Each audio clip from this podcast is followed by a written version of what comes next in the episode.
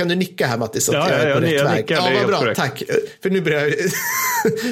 nu ska Per redogöra för diplomati, så nu blir jag, lite, nu blir jag orolig här. Det är motsatsen till krig. Vi kan bara krig.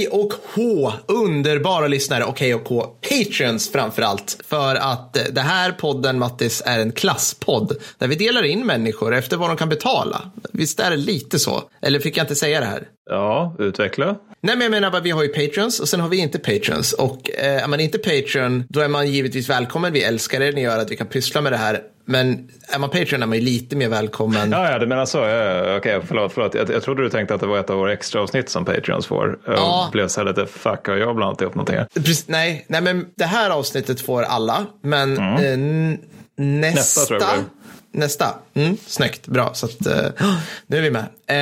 Eh, skit i det. Nu börjar det med att alienera eh, de, de allra flesta. Jätte, Ja. eh, Välkomna till Kickstory-podden. Jag heter Per. Hej. Eh, du heter Mattis. Det är korrekt. ja. Det stämmer sen sist. ja, det stämmer sen sist. Det här avsnittet kommer vi ta oss lite vatten över huvudet. Ja, vi ska ut på djupt vatten och det, vi kommer inte lyckas hålla en rak kurs och det kommer vara många som kan torpedera våra resonemang och argument. Här. Har jag sagt att jag är pappa? Så jag kan göra pappa Nej, jag tänkte säga det. Och nu har vi avverkat alla pappaskämt de första minuten här liksom. Så det är svinbra. Ja, precis. vi lovar inget mer. Vi ska prata om marina fuck-ups den här gången. Ja. Och eh, Ja. vi har ju behandlat det här med eh, flottsaker och båtar lite styvmoderligt i den här podden Ja. kan man väl säga. Ja, och grejen är också, det, det, jag tror det är lite grann, i och för sig tror jag det är lite grann också som det var när vi spelade in 1800-tals hipsterkrig, att alltså, de flesta tror inte jag kan sådär jättemycket om, om, om, eh, om marina frågor och vi kan ändå lite grann, för vi Mm. vet liksom ändå vad ett slagskepp är för någonting och att det i praktiken är sjökriget som, som eh, vinner båda världskrigen. Liksom. Ja. Medan de flesta läser ju liksom om andra världskriget utifrån så här pansarbesättning på östfronten för att det är så jävla mycket sexigare. Liksom. Man kan också Ja. förstå var man befinner sig utifrån att det finns en kulle till skillnad från bara ett stort slott. Å andra sidan, de som verkligen, alltså de som kan mer än oss i det här fallet, de kan verkligen Ja. mer än oss. Ja. Så att, eh, förbered er på eh, klavertramp alla ni örlogsheads. Ja, och vi ber om ursäkt i förväg för att Ja, ja. Alltså, vi kommer säga båtar och skepp. Och vi kommer, vilket är ungefär som att säga här, pansarkrigsvagn när vi pratar om, om, om stridsvagnar på östfronten. Och där är vi, det, det har vi testat Mattis, att få alla Mm. pansarheads mot oss. För det är lite samma sak där. De flesta kan mindre än dig och mig, men kan Mm. man mer än oss då kan man så inåt helvete mycket mer. Alltså då, då, är, då är vi liksom, då vill de liksom, vilken, pan, vil- vilken muttern på Panter Aus G, uh, den var satt Ja. löst där. Så det, ja, Och det här fall, i fallet sjökrigföring så är det mycket det här liksom, vilka grader som vi, vi, det och det fartyget höll liksom, vid det och det tillfället. För det, så är det alltid i böckerna man läser om det här. Liksom, det står vilka grader och jag sitter där och bara, den har en pang. ja. Den har en jättestor pang. Och det räcker tydligen inte. Har den en propeller? Ja, kanske. Ja, typ så. Ja, Nej, men så det ska vi göra. Ja, så det, det blir spännande. Vi är lite nervösa, jag vet inte om det hörs, men det kommer nog gå skitbra. Eh, jag har shoutouts, för jag tar mina först. Får jag ta mina Kör först? Mm, tack. Till två nyblivna 40-åringar, mina vänner Daniel Gustafsson och inte minst Tommy Mattsson, The Gunslinger. Stort grattis grabbar!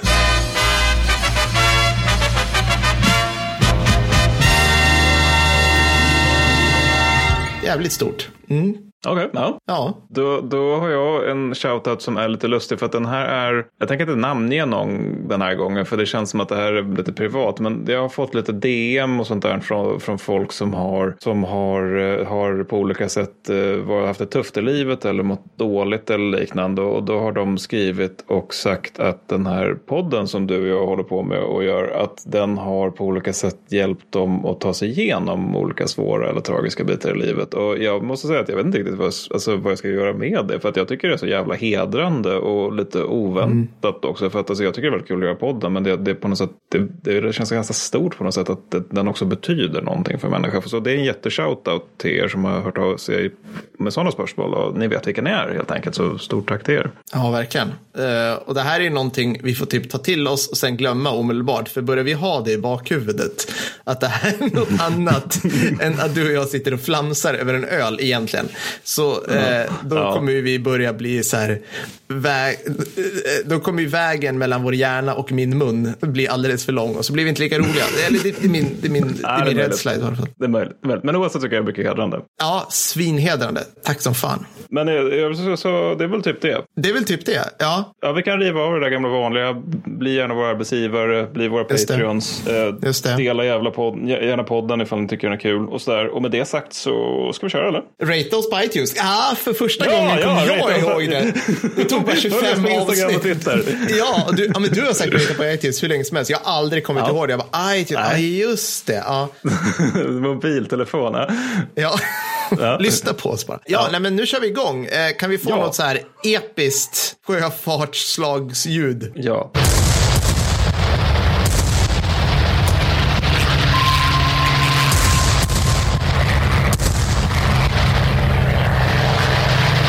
Tack.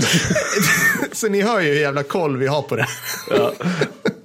Du ska få börja vara hipster, Mattis. Ja, vi ska ta kronologiskt då. Så att jag börjar redan under antiken. För jag tänkte nämligen att jag skulle bita tag i den här eh, för oss alla brinnande och akuta frågan att reda ut Roms sjöinsatser, deras marina insatser under första puniska kriget. Som vi alla har undrat länge kan jag ja, säga, över hur ja. de egentligen gick till. Ja, men grejen är alltså, första puniska kriget är ju lite av hipsterkriget bland de puniska krigen. För andra, det känner rätt många till, för alla kommer ihåg från högstadiet det här med att Hannibal gick över över Alperna med elefanter och sådär. Och tredje känner ändå hyfsat många till för att man känner till att okej, okay, men och där förintas Kartago liksom. Men första, det är ju bubblaren lite grann sådär. Ja. Och det är också det här lite lustiga, för att om du tänker romersk krigföring, vad tänker du då? Jag tänker mig motsatsen till dagens italienska armé. Nej, nu var jag taskig. Nej, men jag, jag, tänker mig väldigt så här, ordentliga, fyrkantiga, rätt korta män som går med så stora sköldar och så typ mm. upp, upp, upp, upp, och så kommer de fram och så bara så här, bygger de en träkoja som är jättestor med spetsiga ja. pålar och så erövrar de typ den kända världen genom att bygga ja. träpalissader och marschera långt. Typ. Och du tänker också just att det här, allt det här sker på landbacken då eftersom ja, det är svårt med träpalisader ute i Medelhavet. Och det är ju det, liksom att man tänker sig verkligen Rom som en land, landmakt. Liksom. Och det är ju egentligen lite paradoxalt för att om man tänker sig romerska imperiet så är ju det liksom någonting som täcker Medelhavet. Och det innebär ju att mm. det här med havet är ju en ganska viktig aspekt av att vara romare och att vinna romerska krig. Och inte minst då i första puniska kriget för att här är liksom, här är det man slåss om mot lag Kartago. Det är Sicilien. Sicilien är en ö och det innebär liksom att landoperationer det avgörs av förmågan att segra i sjöoperationerna. Ja, det är ganska ja. enkelt liksom. Alltså att man kan ju ha hur, hur starka legionärer man vill då. Men om de sitter på Sicilien och de inte får in liksom, förstärkningar och käk och sådär då, då kommer de bli väldigt tunna och magra efter ett tag. Då. Så att man måste liksom... de, de, kan liksom inte kasta sina pilum över, liksom, över Medelhavet. De kan liksom inte...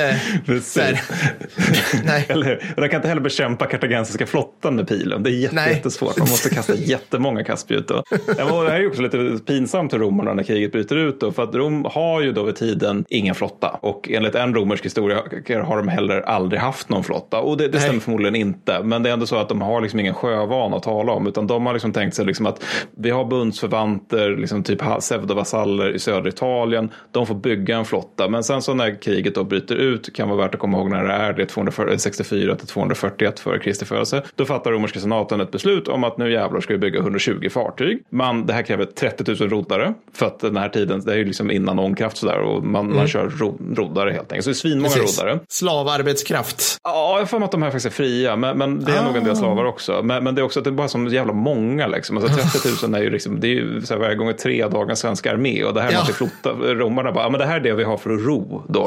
och besättningarna får en kort utbildning så att de liksom ska kunna vara på sina stora fartyg lite grann sådär. Mm, mm. Och det är det Rom, lag Rom har på sin sida. Sen har vi då lag Kartago som har som första fördel de är en sjöfararnation. Ah. Det är ah. inte Rom.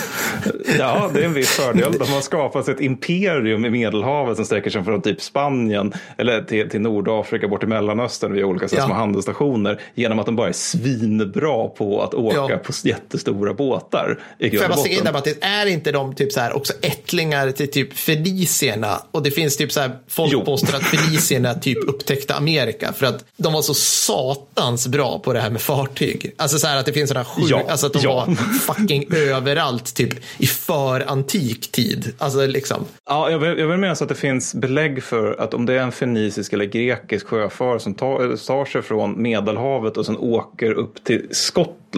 Ja. Och det är ganska bra jobbat med de här grejerna som alltså framförallt ska vara nära kuster och sånt där. Liksom inte, men det är Skottland det hittar de i alla fall. Då. Jag tycker det är så jävla bra att man har lärt sig så här mycket från Asterix album. Det, det måste jag säga. Fenicien, det är liksom Asterix album knowledge. Liksom. Det är som man tänker av antiken och sen så kan Lucky Luke då, det är ju liksom mer för att fixa USAs historia. Så ja. Tintin är ju en rättvisande bild av europeisk historia. Jag läste Riddar Valiant. Ja, det, det var bra skit. Ja, det var ju fan bra. Snyggt ritat. Ja, ja, ja. Och så var det, ju... det finns den där underbara scenen när han står där på en bro med tvåhandsvärd och bara liksom dräper och ska hålla ensam mot så här stor barbarhord. Ja, med så här, sin bröderna lejonhjärta fribba ja, och liksom ja. var så här uh, white man's burden under medeltiden. Ish, eller något så här. Ja, älskar det.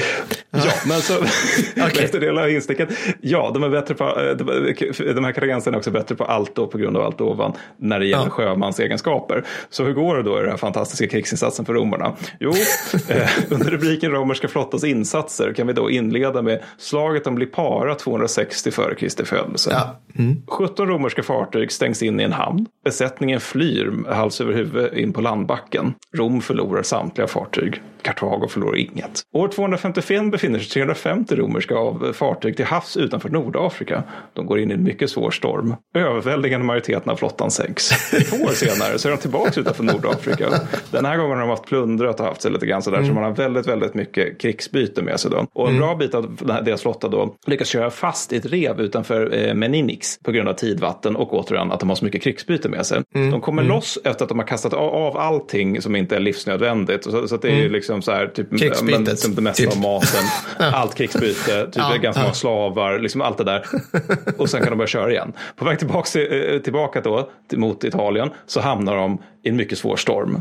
150 fartyg sänks. Och jag vill bara slå till och stryka under att det var alltså 30 000 roddare för 120 fartyg och det här är liksom ute på öppet hav. De här romare, de vet inte hur man simmar så det här är liksom en smäll, smärre sjökatastrof. Och sen därefter så ska, ska romerska stolta flottan då svälta ut staden Lilibäum tror jag uttalas på Sicilien. Det tanken är liksom att de ska ringa in den och se till att det inte kommer in några kartagensare och att staden ska svälta. Mm. Liksom. Kartagensiska mm. fartyg tar sig in i stadens hamn på ljusan dag mitt framför mm ögonen på den lite snupna romerska flottan.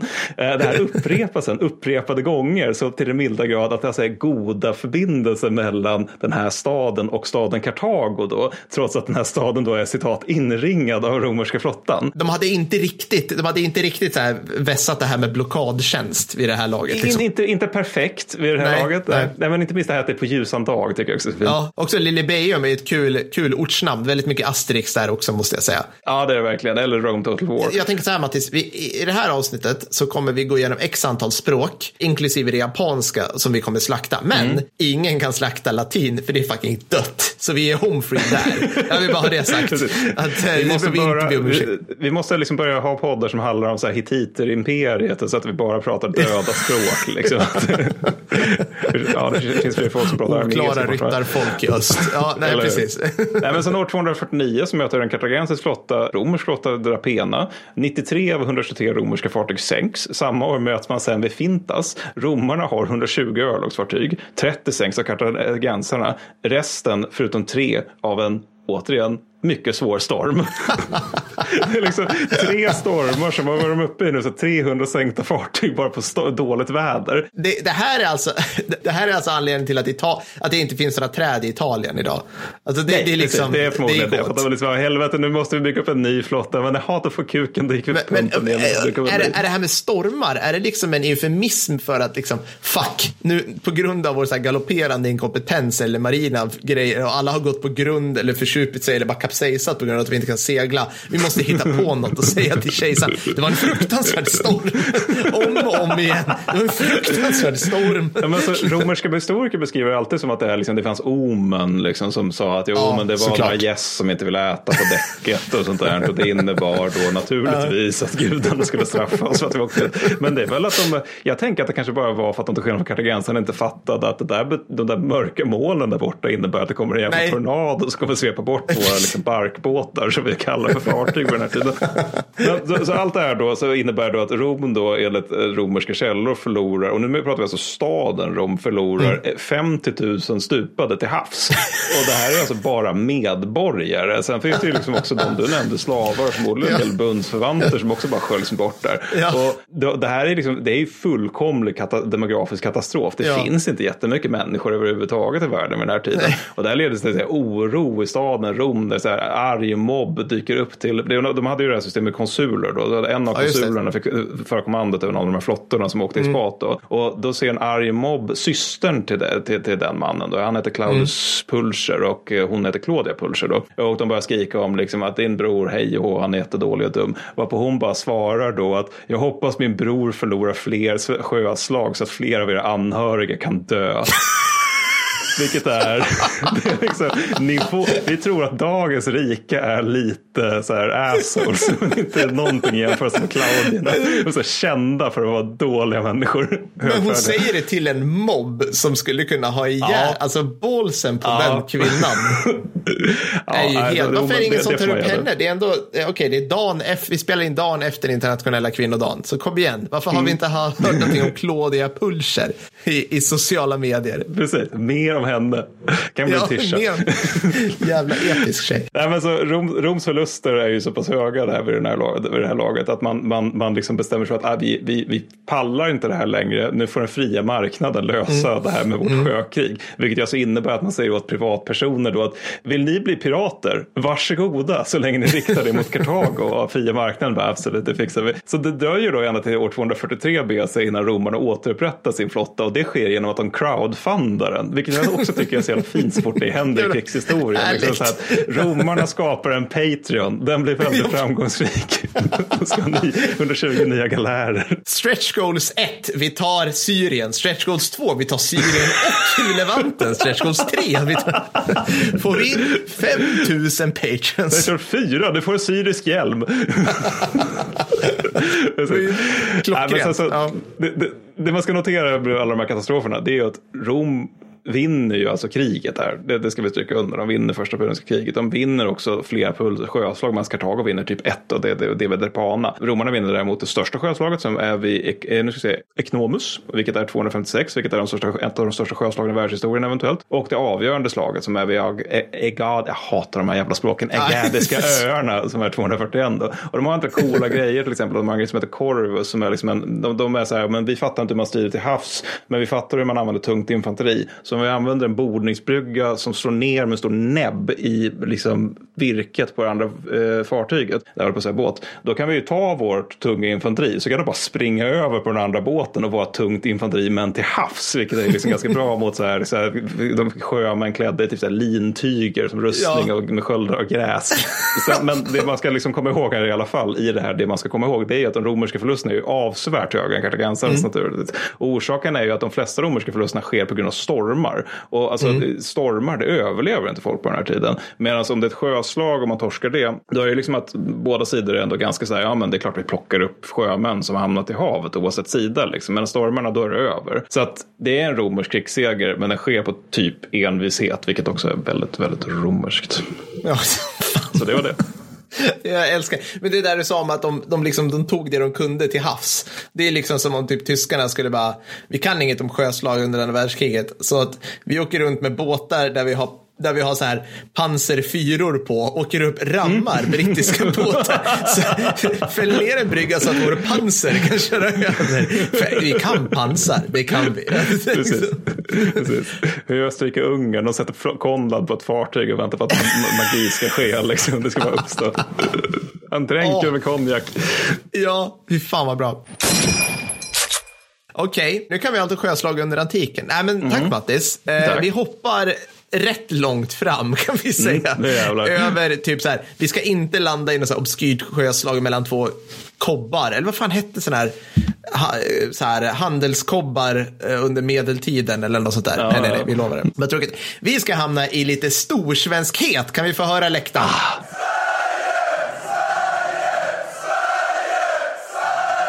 Yes. Äntligen! Inte sedan avsnitt 19 har vi fått hålla på och Ja. bulta oss för bröstet. Ja, men alltså nu, nu blir det fint på riktigt. Också kognitiv dissonans i min hjärna. Jag kommer till det. Vi befinner oss nu i juli 1790. Det är Gustav IIIs finska krig, kallas det här. Och den heter så för att han startade kriget. Förlåt, jag skrattar bara åt själva namnet. Ja, men det är, liksom, det är så jävla obviously att han startade kriget. Jag, jag kan väl bara så här. Han började på ett så här härligt wag the dog-sätt genom att han, han, han, för att få kriga mot ryssen, vilket han så hemskt gärna ville, PGA, en massa så här deppiga förluster mot ryssen under tidigare 1700-talet som han då ville hämnas för att han insåg, han trodde ju att han var typ så här solkungen, eh, Ludvig den 14 nivå, liksom. fullständig liksom, storhetsvansinne. Då klädde han ju ut svenska soldater till ryska soldater och lät dem skjuta på svenska gränsvakter. Och så bara, kolla här, kolla här ständerna eller riksdagen. fan det var. Nu har vi Casus Belli och så bara, Men, men fanns det någon så här Alex Jones modell 1700 som Ja. ja. satt och skrek att det här var liksom bara en, det här var en cover-up. Det är en, ja men typ, alltså ingen, ingen vill ju ha det här kriget. men så det är alltså en false flag operation är det jag är ute efter. Det är det, fa- fast på riktigt. Ja, ja. Alltså, Nice, det är mm. liksom, ja. Okej, men då, så att, så att det här kriget går ju precis som man kan tänka sig åt helvete. Alltså för det här har man lärt sig i skolan. I princip allting som Gustav III gjorde var så här lyteskomiskt. Och det här, det här, det här frankofobin, eller också då liksom att så här, han var ju väldigt fransk av sig.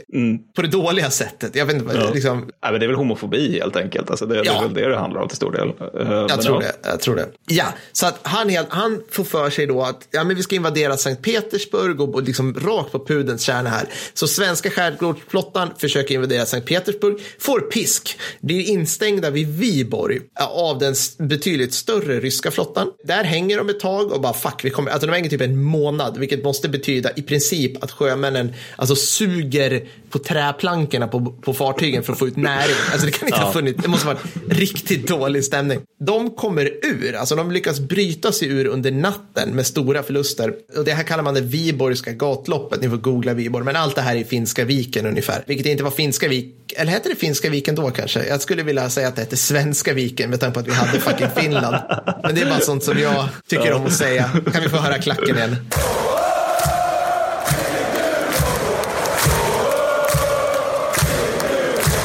Ja, tack. Hur som helst, så att de bryter sig ur och eh, tar sig till Svensksund. Så att den, den svenska flottan har nu lagt sig liksom, eh, ja, vid Svensksund och ankrat och är fullständigt demoraliserad. De är traumatiserade av den här månaden liksom så, och tänker sig att vi måste ju bara härifrån. Det här kriget måste fucking avslutas. Vi, vi ligger liksom typ 23 miljoner riksdaler i back till Preussen över krigslån. Du vet, återigen, vi har liksom ingen mat hemma. Vi, vi är liksom en, en, eh, en outbildad, dåligt rustad bonde bondenation. Vi kan inte hålla på och utmana liksom, alltså, supermakter på det här sättet. vi, vi har ju inte kunnat göra det sen vi torskade stora nordiska kriget och tappade, you guessed it, Estland. Exakt, Eller ja, precis. Livland, men ändå. Alltså, det, men, för, för det, det var ju så. Det var ju verkligen så att vi hade kvar stormaktsambitioner men inte kapaciteten för att vår ek- ekonomiska hubb var Livland. Och sen tar Ja. Det och bara, nej, nej, det blir inget mer med det här tråkigt Nej, nog. precis. Nej, men så här, sjö, sjöhandel återigen tror jag. Liksom. Det var det som Ja, gav oss pengar. Och, och liksom, vi är inte heller liksom, Gurra IIs Alltså, vad, vad var det vi kallade det? Talibanska, protestantiska, teokratiska, war, Empire of Man-land. Alltså Nej. där är liksom vi, vi krigiska, fattiga, outbildade, religiösa fanatiker som bara ställer upp med vad som helst. Nu har vi Ja. liksom, vi, 1790, då har liksom, vi har fått smaka på liksom, du vet, frihetsfilosofer och du vet, alltså sådana Ja. där saker. Adeln har något, det finns liksom Vekt liksom. Ja, det, Ja, ja. men liksom så här. Skitsamma. Industriella revolutionen pågår för fan i ett annat land. Men vi beter oss som att det eller Gurra 2, Gurra 3 beter sig som att det där har hänt. Okej. Så läget är nu så att alla, alla amiraler säger bara, eh, ers höghet, vi drar, vi måste dra. Gurra 3 får feeling och säger nej, nej, nej, nej, nej. we stay and fight. Och ni som tycker annorlunda, ni kan, liksom, jag byter ut er mot er, jag säger det. Ja. Eh, så, Och alla vet att ryssen kommer för att eh, de, de leds, alltså den ryska flottan, utav eh, Karl von Nassau. Och det här är nu årtusendets stickspår. Mattis, alltså mängden karaktärer under europeiska krig under flera hundra år som är så här oklar nationalitet oklar liksom fadern var en tysk över, överstelöjtnant modern var en fransk adelskvinna han var själv en skotsk fältherre med påbrå från Sicilien som slogs mm. för kejsarinnan av alltså, och, och så alla alltså, typ... vi, vi, kommer komma in på det nästa avsnitt också när vi snackar om Napoleonkriget men ja så oh. är det jättelänge men det är ju för att liksom adel är internationellt och krig är adelns jobb. Liksom.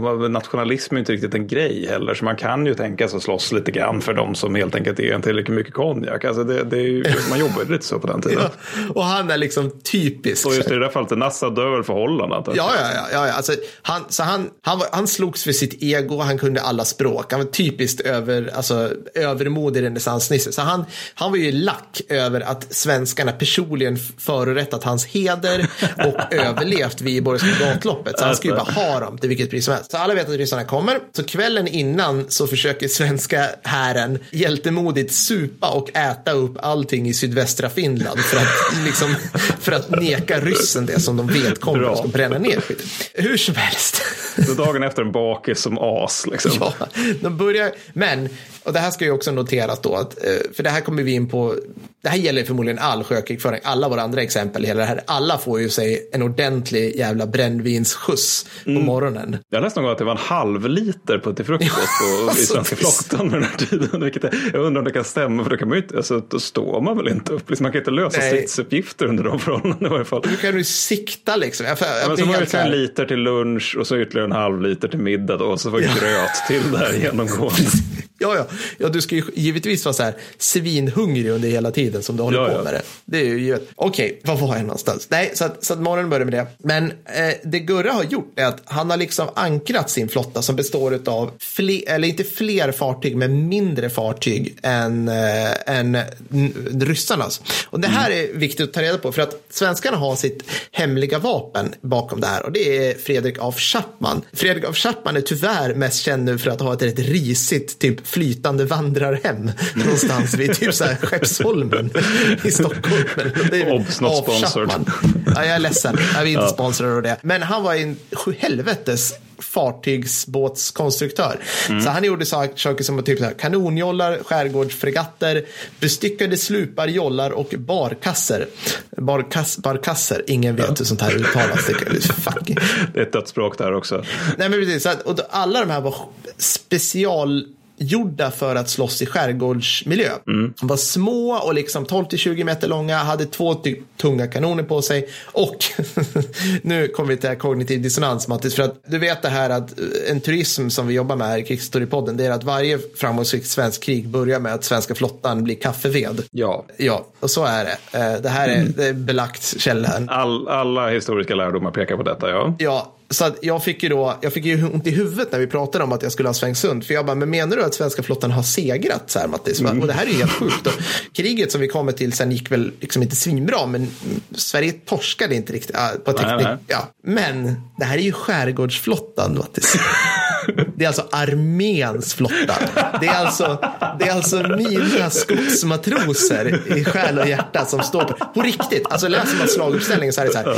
Alltså vi tror att svenska liksom högsjöflottan hade liksom mm. folk där, oklar längd. Mm. Men det var typ så här, öst, så här Sörmlands regemente, Jämtlands regemente, Livgardet, lalala. Det var liksom bara arméfolk som stod och behandlade ja. kanonerna och musköterna och skit på den här Så vår, vår, vår tes stämmer ju fortfarande då på ja, grund av en tek teknikalitet.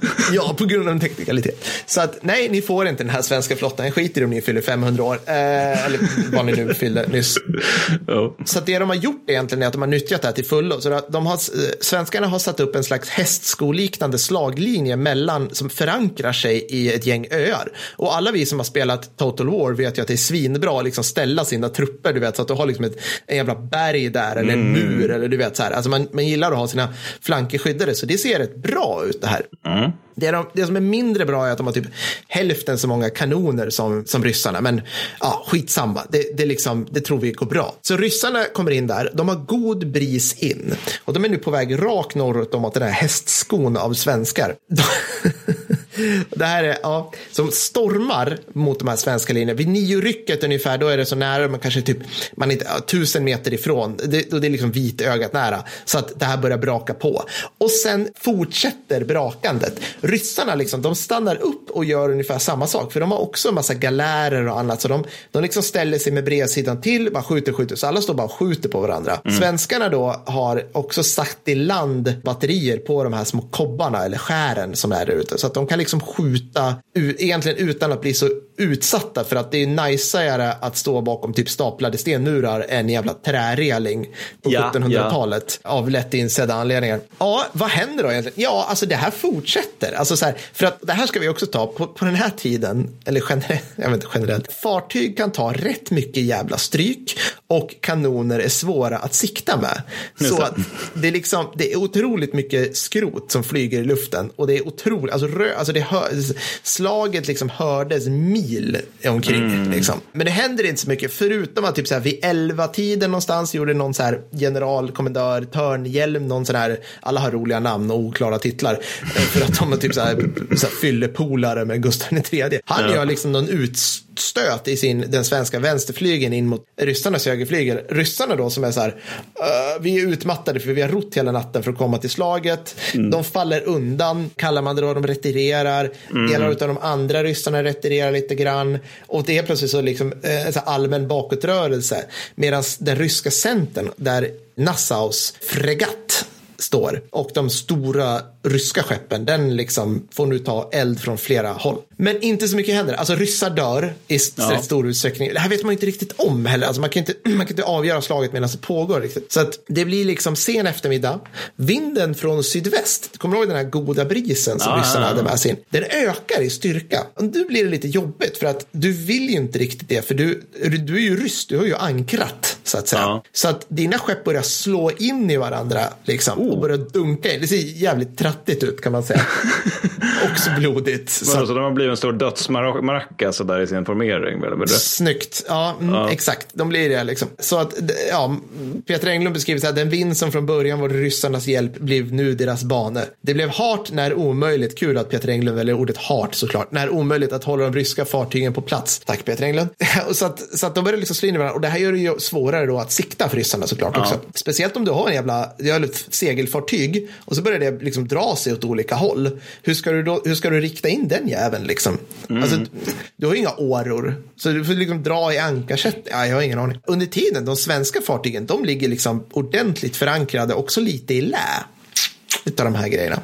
Så, så det, här, det här är en massiv jävla nednötning alla kanaer nästintill. Mm. Så att, men till och med liksom, till slut så inser den här ärketratten Nassau liksom att äh, men, vi måste dra oss härifrån, det här går inte. Så han lyckas ta sig därifrån i sin sönderskjutna fregatt. Nu är det liksom nära nog kväll. Men under tiden så har liksom vinden har ju drivit den här sönderskjutna ryska flottan upp mot de svenska linjerna. Så att det är liksom, det råder ju så här stämning bland de ryssarna liksom. Och det här gör att 6 000 ryska krigsfångar tas. Oj, ja.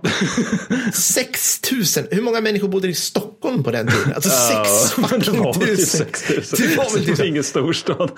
Så att de tar så jävla mycket krigsfångar. De bara, vi vet inte vart vi ska ha dem här. Det här är mer människor än vad som bor i hela Finland. Det är för fan 1700-talet. vad ska vi göra? Så, men, så, att, så det, det är en bländande svensk seger det här, kan man verkligen säga. Och själva fuck är ju då att Nassau bestämmer sig för att strida med sitt ego mer eller mindre, eller? Exakt, ja precis, tack. Ja men han, han lyssnar inte heller på råd. Alltså för att Nej. det finns det är liksom, folk som kände han väl sa liksom att här, han var otroligt ambitiös, otroligt driven och, och det matchades endast av hans okunskap när det gällde marina ting. Slutcitat. så att, så att, Vad skönt att han fick ansvar för flottan. Men också så här, ambitiös och driven, det är ju sånt om man skulle höra det om man satt på en anställningsintervju. Då skulle man ju veta att det här är ett riktigt praktarsel. Alltså det mm. här är inte en trevlig person att ha att göra med. Nej, så han, han, han precis, och det, det går snackas om att han smet därifrån, liksom en kapp över huvudet. Jag fattar inte hur man gör det när man är på en båt och det är skönt. Men skitbra. Men det var ju helt enkelt det. Eh, så att man tar, man tar 6000, eh, alltså, och det är rätt praktiskt det här, för det är, håller på över en dag och sen lite mop-ups på natten och sen är man typ klar. Man har tagit 6000 ryska krigsfångar, 800 kanoner, 70 fanor och standard. Och det var stort mm. då, för Capture the Flag var svinstort på 1700-talet. ja, det, var det här var fint, liksom, man hade. Ja. Ryssarnas övriga förluster var cirka 4 000. Svenskarnas var 161. Får vi höra klacken?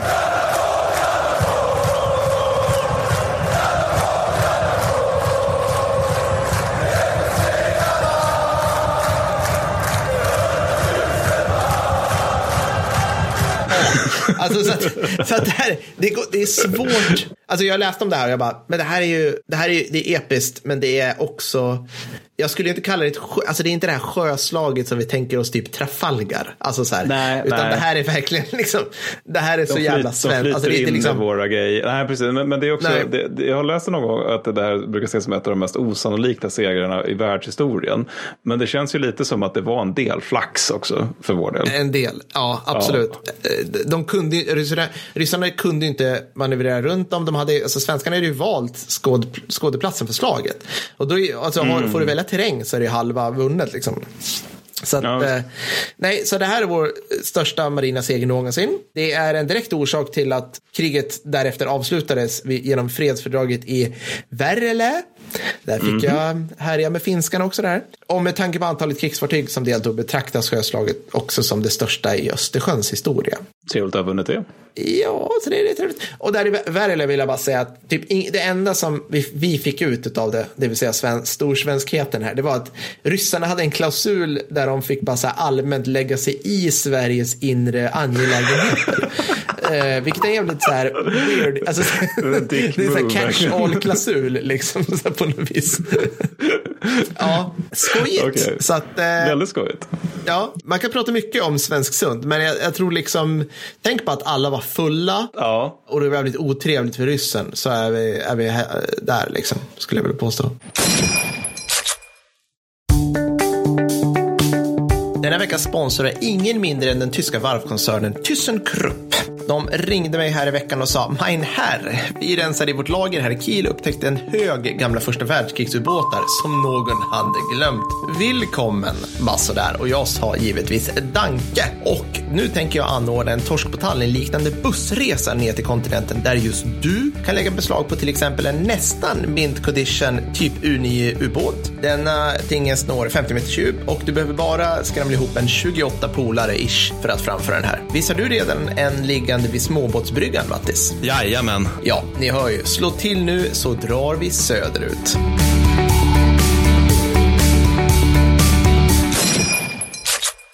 Och det är väldigt passande för nu ska jag också göra otrevligt för ryssen. Yes. I förra avsnittet så utlovade jag om att jag skulle prata om japanska slagskepp under andra världskriget och det tänker jag inte mm. göra. Nej. Jag har insett att vi har haft svinmånga avsnitt om andra världskriget nu så jag ska istället sprida några gas lite grann.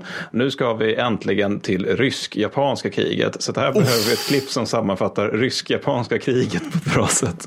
Vodka сука! На, говорю ты, блядь, не лезь! Сколько полез, араб, горячая! Обожжешься, говорю ты, блядь! Men eh, det här, det här är alltså, du skulle uppta ett slag, jag ska ta ett slag och eh, en världsomsegling och det håller på oh. över nästan ett år. Så vi får se hur det här går. Ja. Men oavsett då, orsakerna till att det blir någon form av rysk-japansk krig här då och eh, det, alla örlogs heads vet ju naturligtvis att vi är på väg mot Tsushima här. Det är att 1894 till 1895 så kör japanerna över Kina. Liksom de går in, skändar Kina både bildligt och bokstavligt talat och får via sitt skändande spännande då halvön Liangdong som ligger i den här bukten som är liksom mellan dagens Korea och dagens Kina. Det sticker liksom ut en liten näbb där som är Liangdong. Ja, Liaodong. Mm. Ska vi lägga, lägger vi upp sådana här saker, Mattis, också så här kartor och skit ja, och det, sånt? vi lägger upp ja. kartor rimligtvis ja. på Facebook. ja, men där lägger även hamnen Port En länk till Google Maps lägger vi upp till sen. All. Nej, förlåt. vi orkar inte. Ja, men ryssarna, ryssarnas reaktion på det här det är att säga vill ha. Uh, och de lyckas då över, på något sätt lyckas de övertyga japanerna om att ni ska inte ha terräng utan ni ska kräva skadestånd av kineserna istället för Liaodong. Var på japanerna bara, ja visst, det, låter, det kanske är så man gör. Vi är lite ovana vid det här med att titta ut i världen. Det kanske är så man gör i modern diplomati. Vi, vi säger så, för ni, ni kommer väl hålla er del av avtalet. Ryssarna bara, absolut, ockupera sedan Liaodong. Japanerna tar det här sådär. Rys ja. säger att Ryssland slutar med det där. Ryssarna bara, lilla vän, jag hör att du är upprörd. Men om vi bara lugnar ner oss en liten stund så kanske vi kan prata om det här som vuxna, vuxna människor.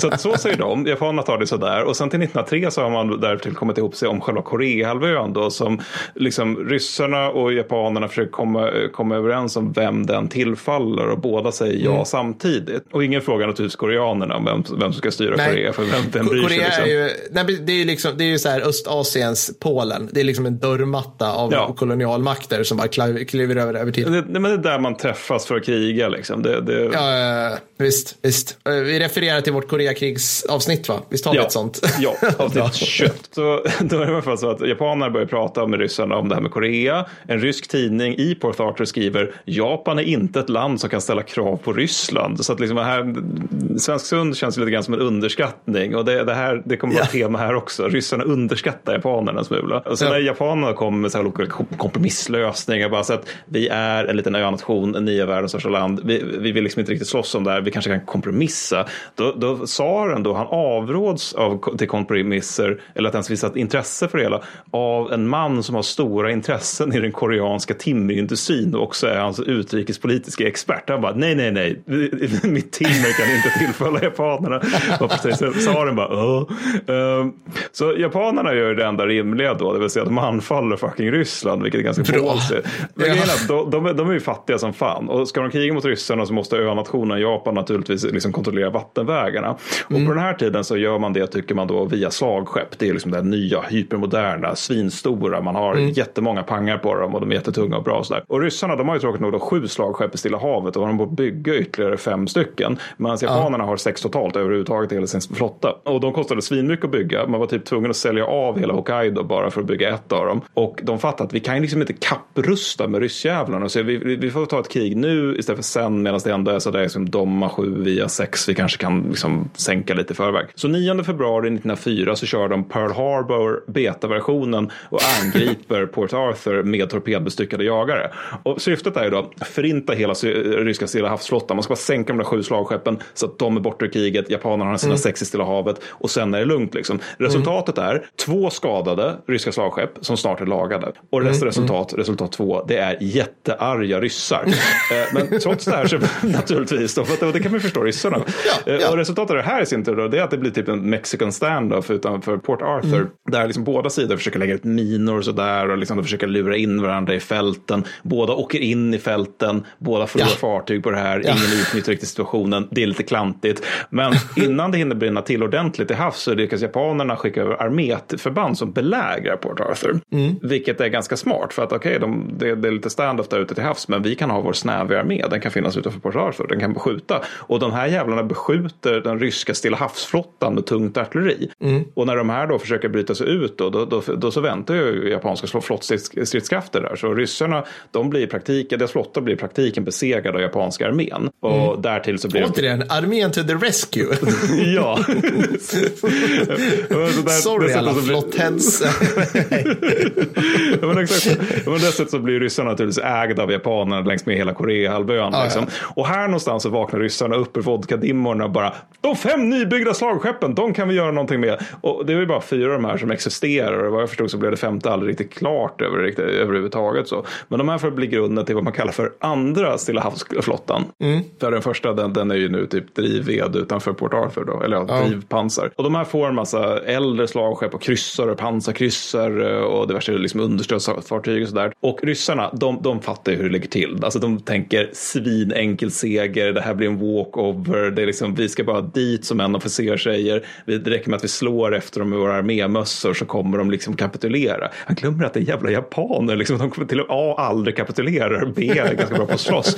Och sen en rysk professor i filosofi så där, myndigt skriver att Ryssland försvarar väst mot, och nu citerar jag här, den gula faran, horderna av mongoler beväpnade med modern teknologi. Och så här, rysk press och officiella affischer de som avbildar japanerna som bara så apor och spindlar här. Liksom, så är det en massa ariska ryssar som dyker upp och driver bort dem. Känner vi igen det här liksom? Ja, lite så. ja, men så att de tänker sig verkligen, det här kommer bli så jävla lätt för att det vi slåss mot är i praktiken en annan art. Va? Det är så det ligger till.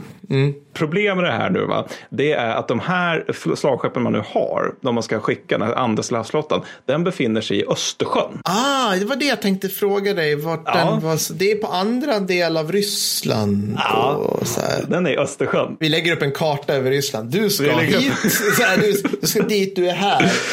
Google Ja, route. de ska till Korea nu. de ska jättelångt dit. Så att de ska dit och de ska alltså segla via Europa och Afrika från Östersjön. Eh, Det här tar sju månader. Så att till havs skriker ryssarna, de skålar i vodka och så åker de iväg hösten 1904. Sen får, där någonstans, så det är ganska snart efter att de avseglar så får de för sig att de har sett eh, japanska torpedbåtar då. Och det visar sig att det är istället brittiska fiskebåtar. För det visar sig att de är inte i närheten av Japan och Japan kan inte projicera makt till Europa. Och det hade de förstått om de hade varit nyktra. Men det är för mycket att Det var ingen som berättade för dem att kommer, ni kommer hålla på i sju månader. Utan det är liksom, de Nej, blev nej, otåliga nej, utan efter det- så här. Nu kör vi och sen bara. Är vi framme snart? Skjut den där. Ungefär så. Jag är, det, jag är, det är ett båt där, den är säkert japansk skjuten. Nej, men så det var visst, visst brittiska eh, fiskebåtar då. Och det, så att vid Nordsjön, vid Dogger Bank, så, så sänker ryska flottan då ett antal brittiska fiskebåtar och lyckas skada en av sina egna kryssare på kuppen. Och de är tvungna att betala liksom skadestånd på 65 000 pund till britterna. Liksom, det här är innan de ens har kommit någonstans. Då. Sen får de typ hitta kol och mat på vägen och de är tvungna att ha med mycket. Och liksom redan i januari 1905 så faller ju Port Arthur. Och då har väl ryssarna kommit, eller andra Stilla havsflottan, de har väl typ kommit, kommit till Sydafrika eller någonting åt det hållet vid det laget. Så kriget är i praktiken över nu. Men nu så bestämmer sig ryssarna för att de ska byta riktning mot Vladivostok. Och 27 maj då så upp, upptäcks de då vid Tsushima-sundet. Som ligger... Eh, ja.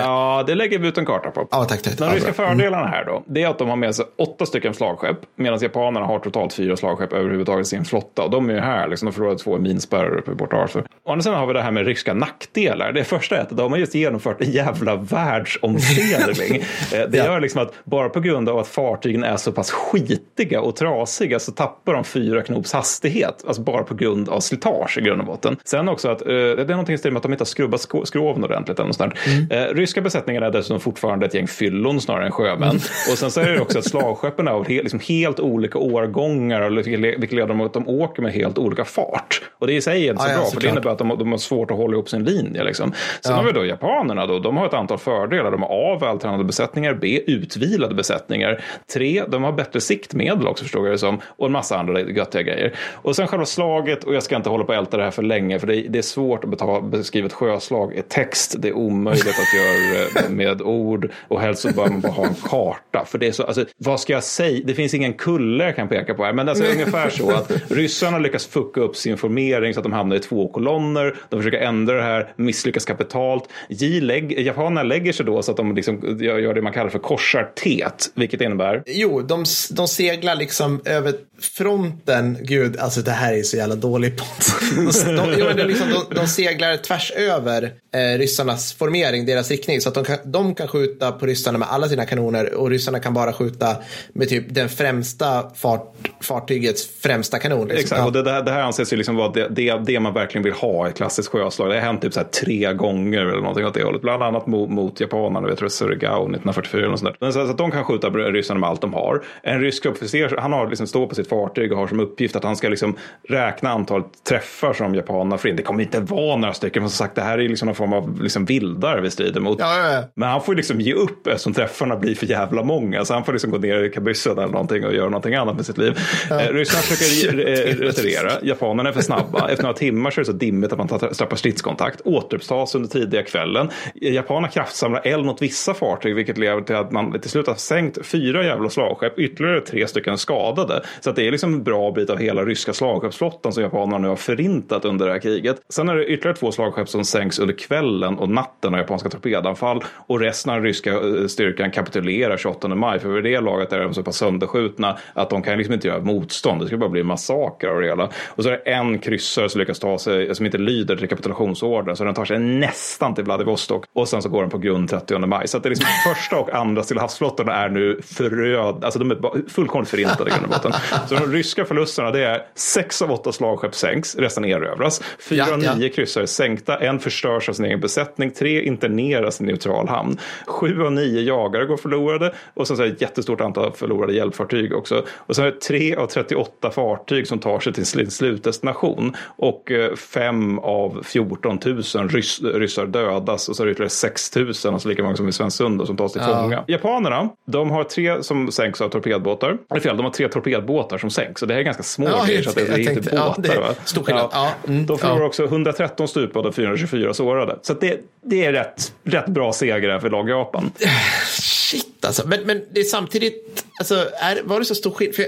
det jag, kan, jag ska inte så försöka försvara ryssen här nu. Eh, jag glömde jag säga på Svensk Sund att de, de eh, enskilda ryska besättningarna var duktiga. Men det är ju också, vi måste tänka så här att alltså det, det Japan gjorde mellan år 1850 till Tsushima är ju mm. att anse som någonting alltså, mirakel. Alltså så här, alltså så här, du, du, dyker upp i ett medeltida land och på 50 år är du i paritet med liksom de mest industrialiserade nationerna. Ja, alltså, ja. Det är rätt cool grej. Det skulle vi kunna ha podd om någon gång. Men, men det, det, är så det är cool också. Jag har visat bild på dig för dig. Jag ska, jag ska lägga upp det på Insta också. Så här, man, det finns fotografier av samurajer, vilket är helt ah. galet. För det är som att det ja. skulle finnas fotografier av 1200-talsriddare. Liksom. Men då står ja. de med sina svärd och rustningar. Liksom. så jävla coolt. Ja, och ryssen tänkte typ så här, ja ja, men i nästa krig som vi är med i, där kommer det gå bättre. 1914, hej hej! Inga konstigheter, det var smooth sailing from, the, from here. Nej, men det här får dock lite konsekvenser, för att alltså, britterna ser att Japan vinner och att de vinner stort, men de tycker liksom att de ska inte ha så mycket trots en total seger då. Och det här får ju liksom, ja, grejen så att japanerna, de, de, de, eh, de får liksom anses vara en del av stormakten och det blir en ganska stor grej i Asien efter, eftersom att det det är första gången på allvar så som europeisk makt får spö av asiatisk makt. Då. Men samtidigt är det ju så liksom att japanerna är ganska upprörda över att de har lagt ner svinstora resurser i det här kriget och får ut ganska lite av det. Och det blir, väcker ju en ganska stor animositet mot västvärlden. Och det får säkert inga konsekvenser. Nej, vilka skulle det vara? Och sen i Ryssland så blir det ju naturligtvis revolution. För det blir det alltid under 1900-talet, början av 1900-talet i Ryssland. Och det här krossas med jättemycket våld. Och i slutändan så förlorar ryssarna ytterligare ett slagskepp då. Den här gången till Rumänien Spanien. Nej. Va? Men det är en helt är annan historia. Det är en helt annan historia. En revolution av många. Ja, eh, shit. Okej, okay, men nu då? Nu ska vi hoppa fram till eh, första världskriget, inte så långt. Vi ska hoppa fram nästan exakt tio år till da, da, da, Gallipoli. Kan vi få höra Waltzing Matilda? Waltzing Matilda, waltzing Matilda, you come waltzing Matilda with me. Tack. För nu, det jag kommer göra nu, alla ni Australien heads, det är att så här, dra mattan under era fötter över den här myten över hur sinnessjukt kärva och duktiga Anzac var och att de blev hugg, huggda i ryggen av de elaka brittiska generalstabsmedlemmarna. För så var det inte. Men för att gå tillbaka till det vi ska prata om. Vi ska givetvis snacka om Gallipoli, Mattis. Mm. Gallipoli är som alla vet eh, typ en halvö som ligger liksom i sundet på väg in, där Danellerna heter sundet, på väg in till Konstantinopel, det vill säga dagens Istanbul. Varför är det här intressant 1915 kan man fråga sig? Jo, för att britterna har typ inget annat för sig där de kan bidra med någonting till krigsinsatsen under första världskriget. För att ta det här från början. Gallipoli. Det blir hela första världskriget. ja, Gallipoli, och nu kommer det ni kan, ni kan trycka på en t-shirt. Det är där strategisk och politisk idioti möter operativ och taktisk inkompetens. Bra. Alltså, det, du, du har, det, det, det är liksom en perfekt storm av idioti och välmenande puckon så, så skulle man kunna liksom koppla ihop det på många olika sätt. Så att 1914, eh, första världskriget drar igång, man upptäcker rätt snart att det här med industrikrig, det mm. är rätt tufft att tävla i om man som Storbritannien kliver in med en så här mikropenis till armé på 200 000 ja. man som så pass på. Alltså, det är liksom 200 000. Det, alltså, det är typ antalet överstar som franska armén har vid den här Ja, tiden. Alltså ja. det, är så, det är så patetiskt få. Ja, det alltså, ett... Franska armén är i jämförelse med den brittiska Theobald i det här fallet. Ja, ja, alltså det, det är liksom, det är en sån satans ballsy, mer ballsy armé. Eh, så att det som händer är i princip, och nu sammanfattar jag 1914 till Mattis stora förtret här, är liksom att Storbritannien är med i någon månad, får typ alla sina soldater bli förluster för att det är liksom, det är liksom förlustkvarnar, det är ration som man får. Du gör ingenting, alltså så här, allting du gör under första världskriget eh, renderar i ett par hundratusen förluster. Ja, Haig äter lunch. Jag Haig äter 200 000 förluster. Ja. Joffrey beställer en ny kyckling, 200 000 förluster. Ja. Liksom, typ Konrad nyser, 200 000 förluster. och sådär håller på. Så att de är borta. Så att eh, nu sitter ju då premiärminister Asquith och sin kabinett då i 10 Downing Street mot slutet av eh, 1914 och säger så här, eh, hörni, vad ska vi göra? Liksom, fransmännen tycker det är tråkigt. Eh, Vi, eh, liksom, kan vi hjälpa dem på något vis? Och vi har ju, vi har ju dem och Ryssland som allierade. Vad fan ska vi göra? Och då sträcker en, indi- en korpulent herre längst ner vid bordet, han var nog säkert korpulent då också, taskigt utan mig, All of you will be damned. räcker upp handen och säger så här, vi har Royal Navy, säger då Winston Churchill, First Lord of the Admiralty på den här tiden. Vi har Royal Navy, vi gör någonting spexigt med dem, tycker vi. Ja. Okej, så han har För vi har ju ändå investerat hyfsat mycket pengar med flytetygen, liksom, så det är nog bra om vi gör. hyfsat. Ja. Alltså, alltså det, det är så jävla mycket. Plus att de har de här nya dreadnoughts som då kom någon gång i början av 1900-talet som är het skit. Och de är inte riktigt testade i krig. Så vi vill, ja vi har så mycket. Någon kanske, någon där räcker upp men, men Winston, det är ju faktiskt så att vi upprätthåller en blockad här. Det kommer ju liksom vinna kriget till slut. Det är inte så sexigt, men det kommer vinna kriget. Kan vi liksom inte bara vara där och du vet förstärka? Nej, men jag har, jag har en annan idé. Vilken är din idé? Ah, jag återkommer. Så, så han, Winston börjar sätta, alltså han häller upp konjaken, sätter sig och snurrar på jordgloben. Han har en hammare och letar efter en spik. Det, det vill säga att, Nej, men det här är klassiskt dåligt problem. Alltså, så här ska man inte göra. Du ska, Nej. liksom inte, du ska inte försöka anpassa problemet efter lösningen. Nej. Så, liksom. Det han hittar, det är inte en spik, det är en förankrad bult i form av Dardanellerna och Turkiet. Och nu, nu måste vi backa lite till här. Vad fan spelar Turkiet? Alltså så här, upptakten till första världskriget och där kring, då är alltså Turkiet inte med i centralmakterna. Jag, jag, kan du nicka här Mattis? att Ja, jag är ja, på ja, rätt jag väg? nickar, Ja, vad bra, korrekt. tack. Det- det tar en liten stund innan de kommer ja. nu ska Per redogöra för diplomati, så nu blir jag, lite, blir jag, nu blir jag orolig här. Det är motsatsen till Och- krig. Vi kan bara krig. Okej, och, och, och liksom Storbritannien gör en USA-ish 1950 när liksom individen som ska bli Ho Chi Minh dyker upp och säger så här, hörni, kan vi ha ett samarbete? Och USA säger, nej, det kan vi inte. Och Ho Chi Minh bara, hmm, synd, då blir vi, då blir vi för evigt fiender istället. Ungefär så händer. Så att, så att eh, Storbritannien pissar bort chansen genom på riktigt sätt, alltså på riktigt så här, loj diplomati där de bara, mm, jag vill inte prata med dig, jag orkar inte, skit, skit. Eh, Att få Turkiet i sitt läger. Och nu, nu kommer det jag trodde att ah, jag aldrig skulle säga i den här podden. Tyskland vinner den diplomatiska kampen. Alltså jag typ, jag typ ramlar av stolen. Alltså det har typ aldrig hänt. Ja, alltså, nej. nej. Bara genom att typ vara där. Så de, de är liksom, de, vad ska man säga? De är vännen som ställer upp när man har lite jobbet. Liksom. Exakt, precis. De kommer in i värmen från the friend zone. Nu när Storbritannien har vänt den turkiska mön ryggen. Det här blir jättekonstigt. Ja, skitsamma. Alla ramlar av stolen. Så, nu helt plötsligt då så är Turkiet fiender. Men de är ju liksom, de spelar ju ingen roll. Nej. Så här, op- operationsantagen, för Churchill då bara, mm, nu jävla Dardanellerna. För, första, han tänker sig att Konstantinopel kommer lägga sig ner och dö. Alltså den här miljonstaden som har stått emot hur mycket som helst. Kommer lägga sig ner och dö när ett brittiskt fartyg dyker upp. Och då kommer Ryssland, LOL, falla ner över Svarta havet och ta turken i ryggen. Och då får jag fråga dig Mattis, på vilket sätt skulle det påverka Tyskland? Alltså du kommer ihåg att det utkämpas ett industrikrig på aldrig tidigare skådad skala Ja, ja. på västfronten, du vet, där alla, liksom, många industrialiserade länder, liksom. på vilket sätt skulle, skulle det påverka Tyskland om Turkiet blev utslagen i kriget, tror du? Några få ryska divisioner släpas från Kaukasus, slarvas sen bort på östfronten. Det är väl ungefär det, tänker jag. Det... Ja, du, du har rätt. Ingen. Alltså, så här, och, alltså, det finns ingen koppling. Det finns liksom ingen så här, nu upp, alltså, för Churchill, och det här återkommer i ett annat krig som ni kanske känner igen, eh, 20, ungefär 20 år efter första. Och han, han liksom den här fixidén på den här, the soft underbelly of Europe. Så han tänker liksom, det här är mjukt. det är så roligt för att han glömmer alltid bort att den här soft underbelly består typ av bergskedjor, alltså i ja. Alperna och kring Grekland och så vidare. Då. Ja, han, kan, han, han, har inte liksom den här, han kan inte klicka i topografi i Google Maps och man ser liksom höjdskillnaden. Han sitter alltid med liksom eh, den här traffic. Just just det. Ja. Om Churchill bara hade haft Street View. Ja, precis.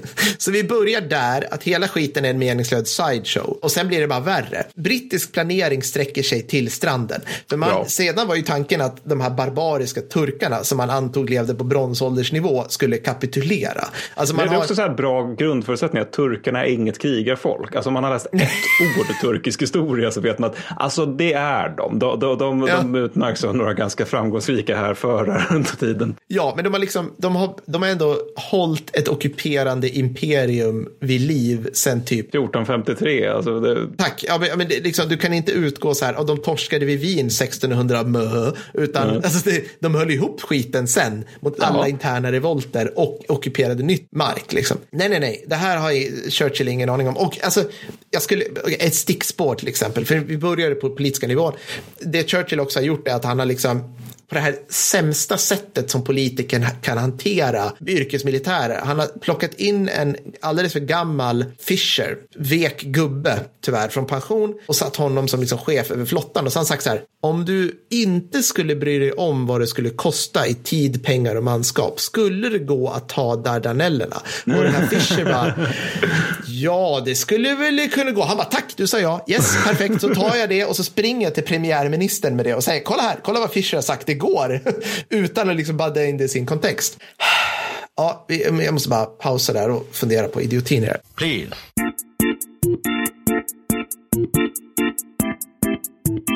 It can only be a moment. Så, okej. Okay. Um, men turkiska armén då, som man tänkte sig skulle liksom vifta. Man skickade på riktigt ut pamfletter där det stod så här. Den turkiska, den turkomana mannen, typ, äger icke artiklar av vitt tyg, för de kan då underförstått inte hantera vita saker. De skulle bara skita ner det direkt för att de bor liksom i grottor. Ja, eh, utan när de vill ge upp till dig, du ädla brittiska man av imperiet, ja. det de istället gör är att de tar sitt, sitt gevär då från eh, underförstått 1700-talet och viftar med kolven i luften för liksom att signalera att de ger upp. Så, så det där är britterna och britterna skrapar ihop, alltså de skrapar ihop då massa australiensare, massa nyzeeländare, massa löst folk. De har något som heter typ så här Royal Navy Division, vilket är typ så här garnisonstrupp från de brittiska, om jag fattar det rätt, från de brittiska hamnarna som liksom inte har något bättre för sig. Och så ger man vapen. Och bara, men för Royal Navy vill också ha en markdivision. Liksom. Men det är typ som att man skulle ge poliser alltså, tunga vapen i grund ja, men typ, alltså, men Du plockar på dig så här, förrådspersonal, vakten, Birgitta från reggstaben och, du vet, och så bara ger du dem någon kombatantutbildning. Så det är en jävla stor division, men det, det kan typ ingenting. De här, de här australiensarna kineserna och nyzeeländarna, de har heller de har svinlåg utbildning. Mm, bra. På alla sätt och vis. Vi kommer till det sen. Och till det så Churchill fick loss, han vill behöva en flotta för det här, för den här Eastern Mediterranean Task Force, eller Expeditionary Force, Mediter ja. Um, så han får ett gäng gamla slagskepp och då säger de så här, Winston, du får liksom inte avdela för mycket för att vi behöver de bästa slagskeppen här uppe. Han bara, mm. Ladies and gentlemen, permit me. Men jag tar ändå de här livsviktiga jagarna som behövs för bukladtjänst och åtminstone två dreadnoughts. Wasn't that better? Vilket gör att Jellicoe, som sen kommer ha ett, något som ni känner igen som Skagerrakslaget, blir ja. lätt irriterad. Winston ja, det bara, det här kommer gå så bra. Well, Sen gör han någonting att han, han sätter då en snubbe som heter Ian Hamilton som chef över det brittiska Eastern Mediterranean Force. Eh, och eh, alltså man skulle tänka någon av de här brittiska officerarna från Patrioten med Mel Gibson. Mm. "Mm, de, här jävla, mm, de kommer aldrig vara något problem. Ja, men de består liksom av arrogans och inavel i grund och botten. Ja, precis. Ja, exakt. Och sen ger man honom liksom en stab som inte kan få fram bra kartmaterial utan man typ går runt och frågar likt Cecilia Udén så här, eh, typ taxichaufförer i Kairo vad de vet om Dardanellerna och sen antecknar man det och bara bra underrättelse, tack vi kör. Ungefär. Så att, okej, och vad, okej. Så det är lag, det är lag eh, allierade, lagantanten. Lag centralmakterna, turkiska armén är bättre än man tror. Det här är på grund av två krig som de typ torskade, Balkankriget och ett till här liksom under väldigt, väldigt tidigt 1900-tal.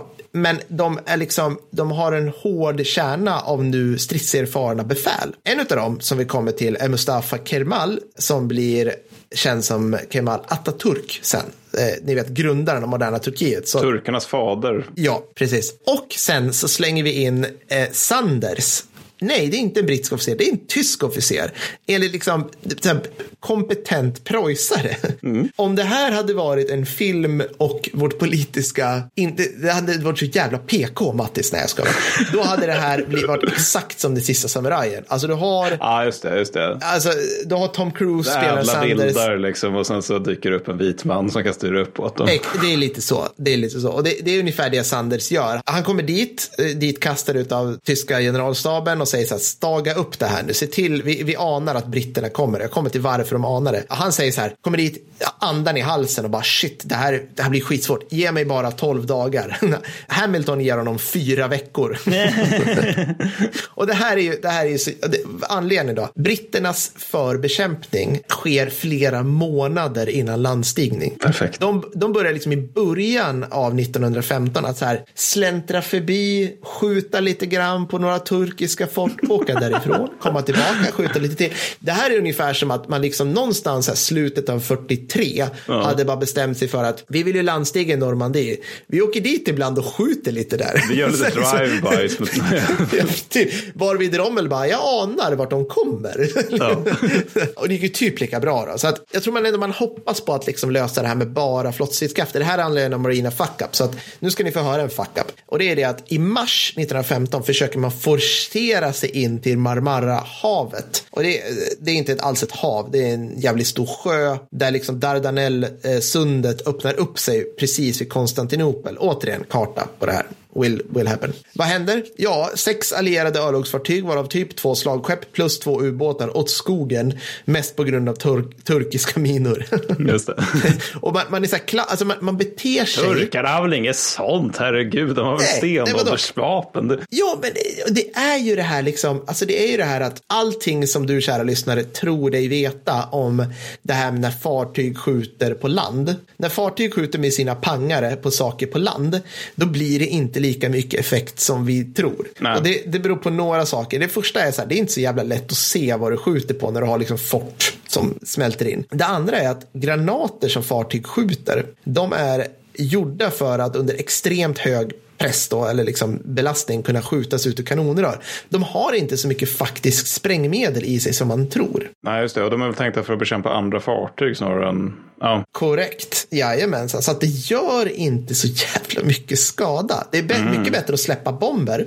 För bomber, de, alltså från flygplan, de liksom flyger över. Så det enda de har i sig är sprängmedel. Så en, vad ska man säga, en 250 kilos granat från ett slagskepp gör väldigt mycket mindre pang än en 250 kilos bomb från ett flygplan. just det. För bomben är typ bara ett skal som innehåller en massa sprängämnen. Exakt, så att de skjuts för fan. Och eh, de, de kommer absolut inte igenom det som händer, men, men de beter sig brittiskt i varje fall. Så någon jävla kommendör på en HMS Queen Elizabeth som översätter, han säger så här, nej, nej, nej, turkarna får snart slut på ammunition, det är lugnt. Var, alltså, ja, absolut, det är det, vi, det är det vi går ut på, de här fasta forten med förbindelse till turkiska fastlandet, de får slut på Men de ammunition. har ju bara pilbågar, det är ingen fara. Och så där håller det på. Men nu börjar vi komma ändå, för att ni vet ju att det är ju faktiskt en, en form av landstigning. Så att återigen, man får för sig att efter liksom månader av förbekämpning, nu ska vi faktiskt landstiga, för vi måste lära de här liksom, jätterna som de kallar durkarna liksom veta hur. Battle, man, man, man sätts i land 25 april 1915. Ja. Det börjar med att fartygen är felpackade, så man får upp fel saker Just i fel ordning. det. Sådär. Det är roligt. Ja, truppen. boxeras i land i öppna roddbåtar av små ångkuttrar. Alltså. Alltså, det måste ha sett gulligt ut. Det är inte riktigt Omaha Beach i Rädda Meg Ryan där liksom Higgins båtar som bara stump. Alltså, det är så långt ifrån. De får ibland ro sig själva in till land Ja, mot ja. kulsprutor. Alltså, då är det stress. Då är det Om du ska ro, alltså, åh. Okej, och det som händer, man kan tänka sig att den här, vi kommer lägga upp så här också, men, men liksom britterna och fransmän och det här, de, de landstiger då i södra delen av den här halvön.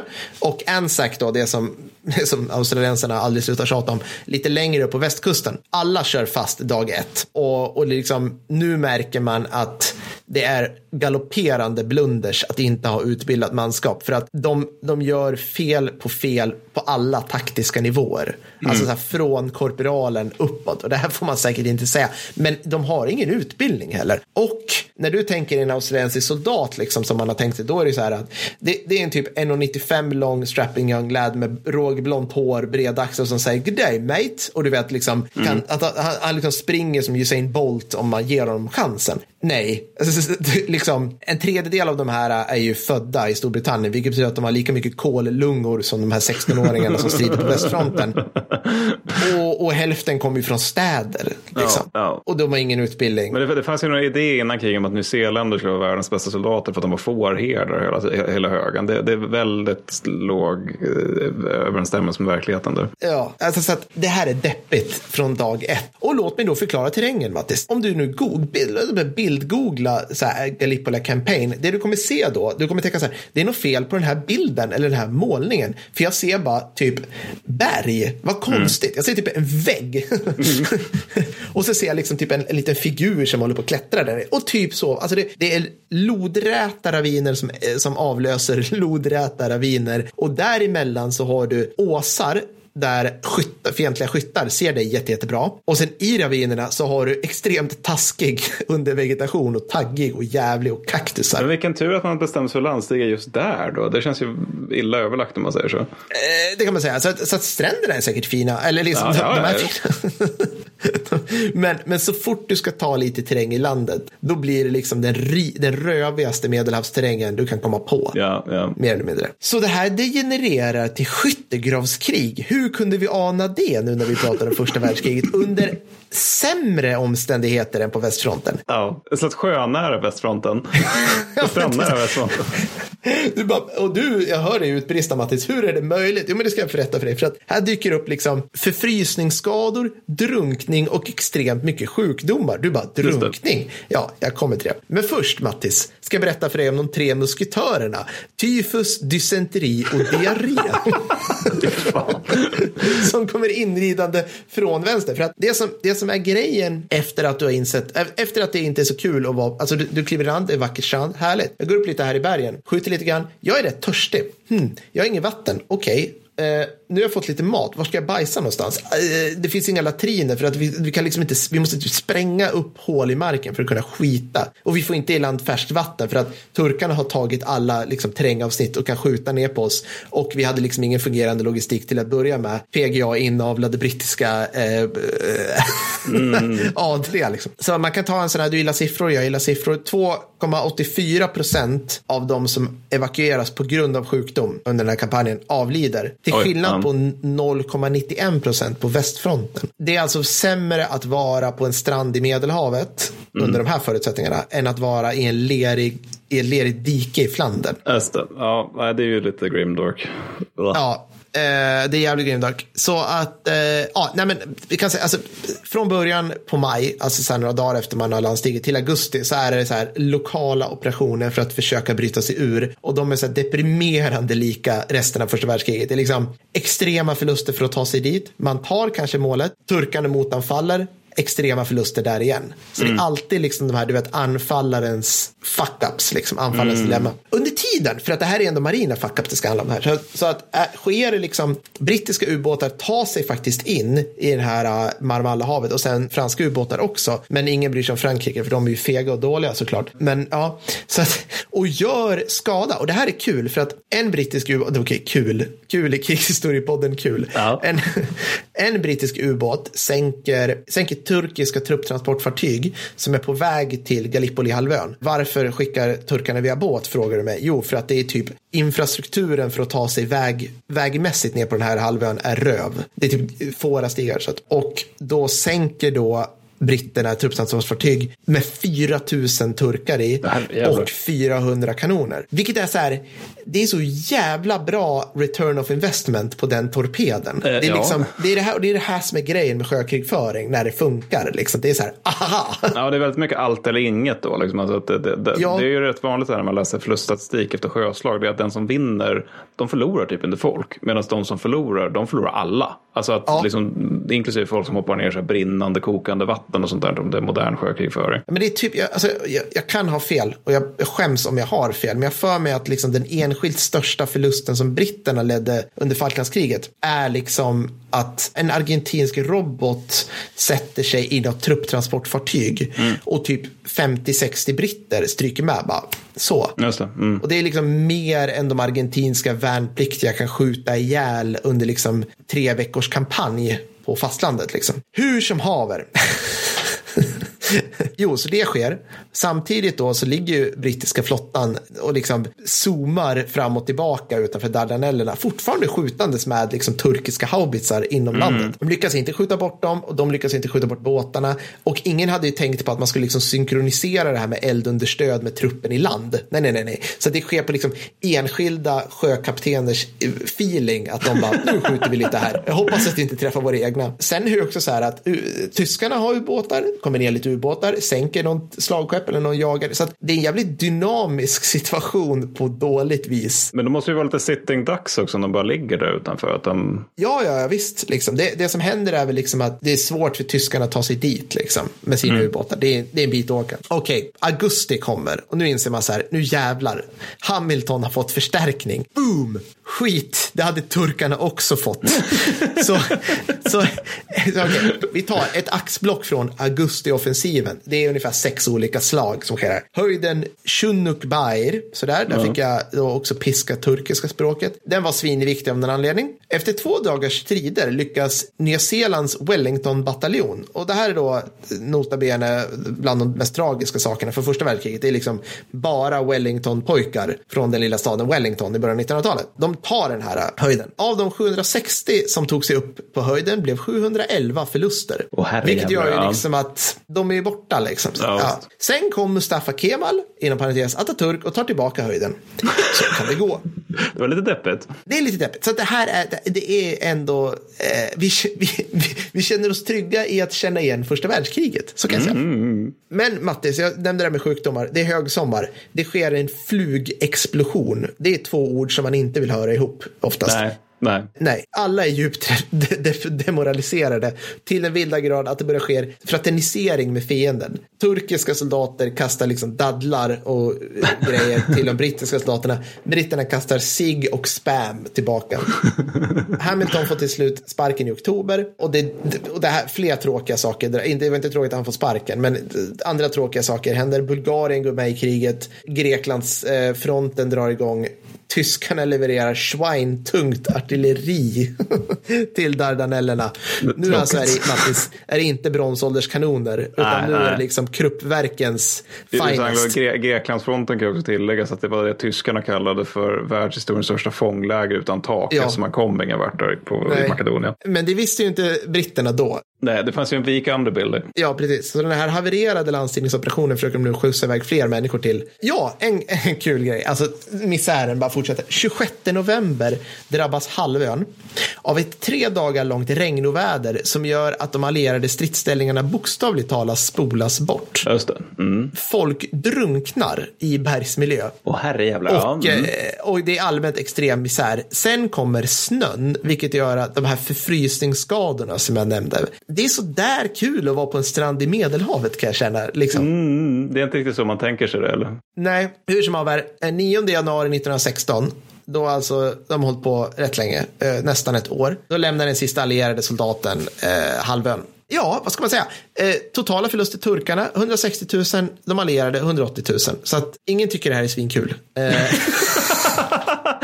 det, det är ett ord du inte kan använda efter att du just angett 300 000 förluster på ett år. Nej, men det, det är liksom, Ja, nej, men men det är alltså, ett turkarna, turkarna band upp soldater som verkligen hade behövts vid västfronten. Ja, ja. Så ska man kalla det en, en ja, Men ytterligare så typiskt exempel på brittisk moralisk seger egentligen för att vi var så tappra hade styr överlev. Ja, jag kan sammanfatta fuck-upen eh, i historikern Peter Harts ord. Den allierade kampanjen drogs med dåligt definierade mål, usel planering, otillräckligt artilleri, felaktiga kartor, bristfälliga underrättelser, övermod, kast tilldelad materiell och logistiska och taktiska tillkortakommanden på alla nivåer.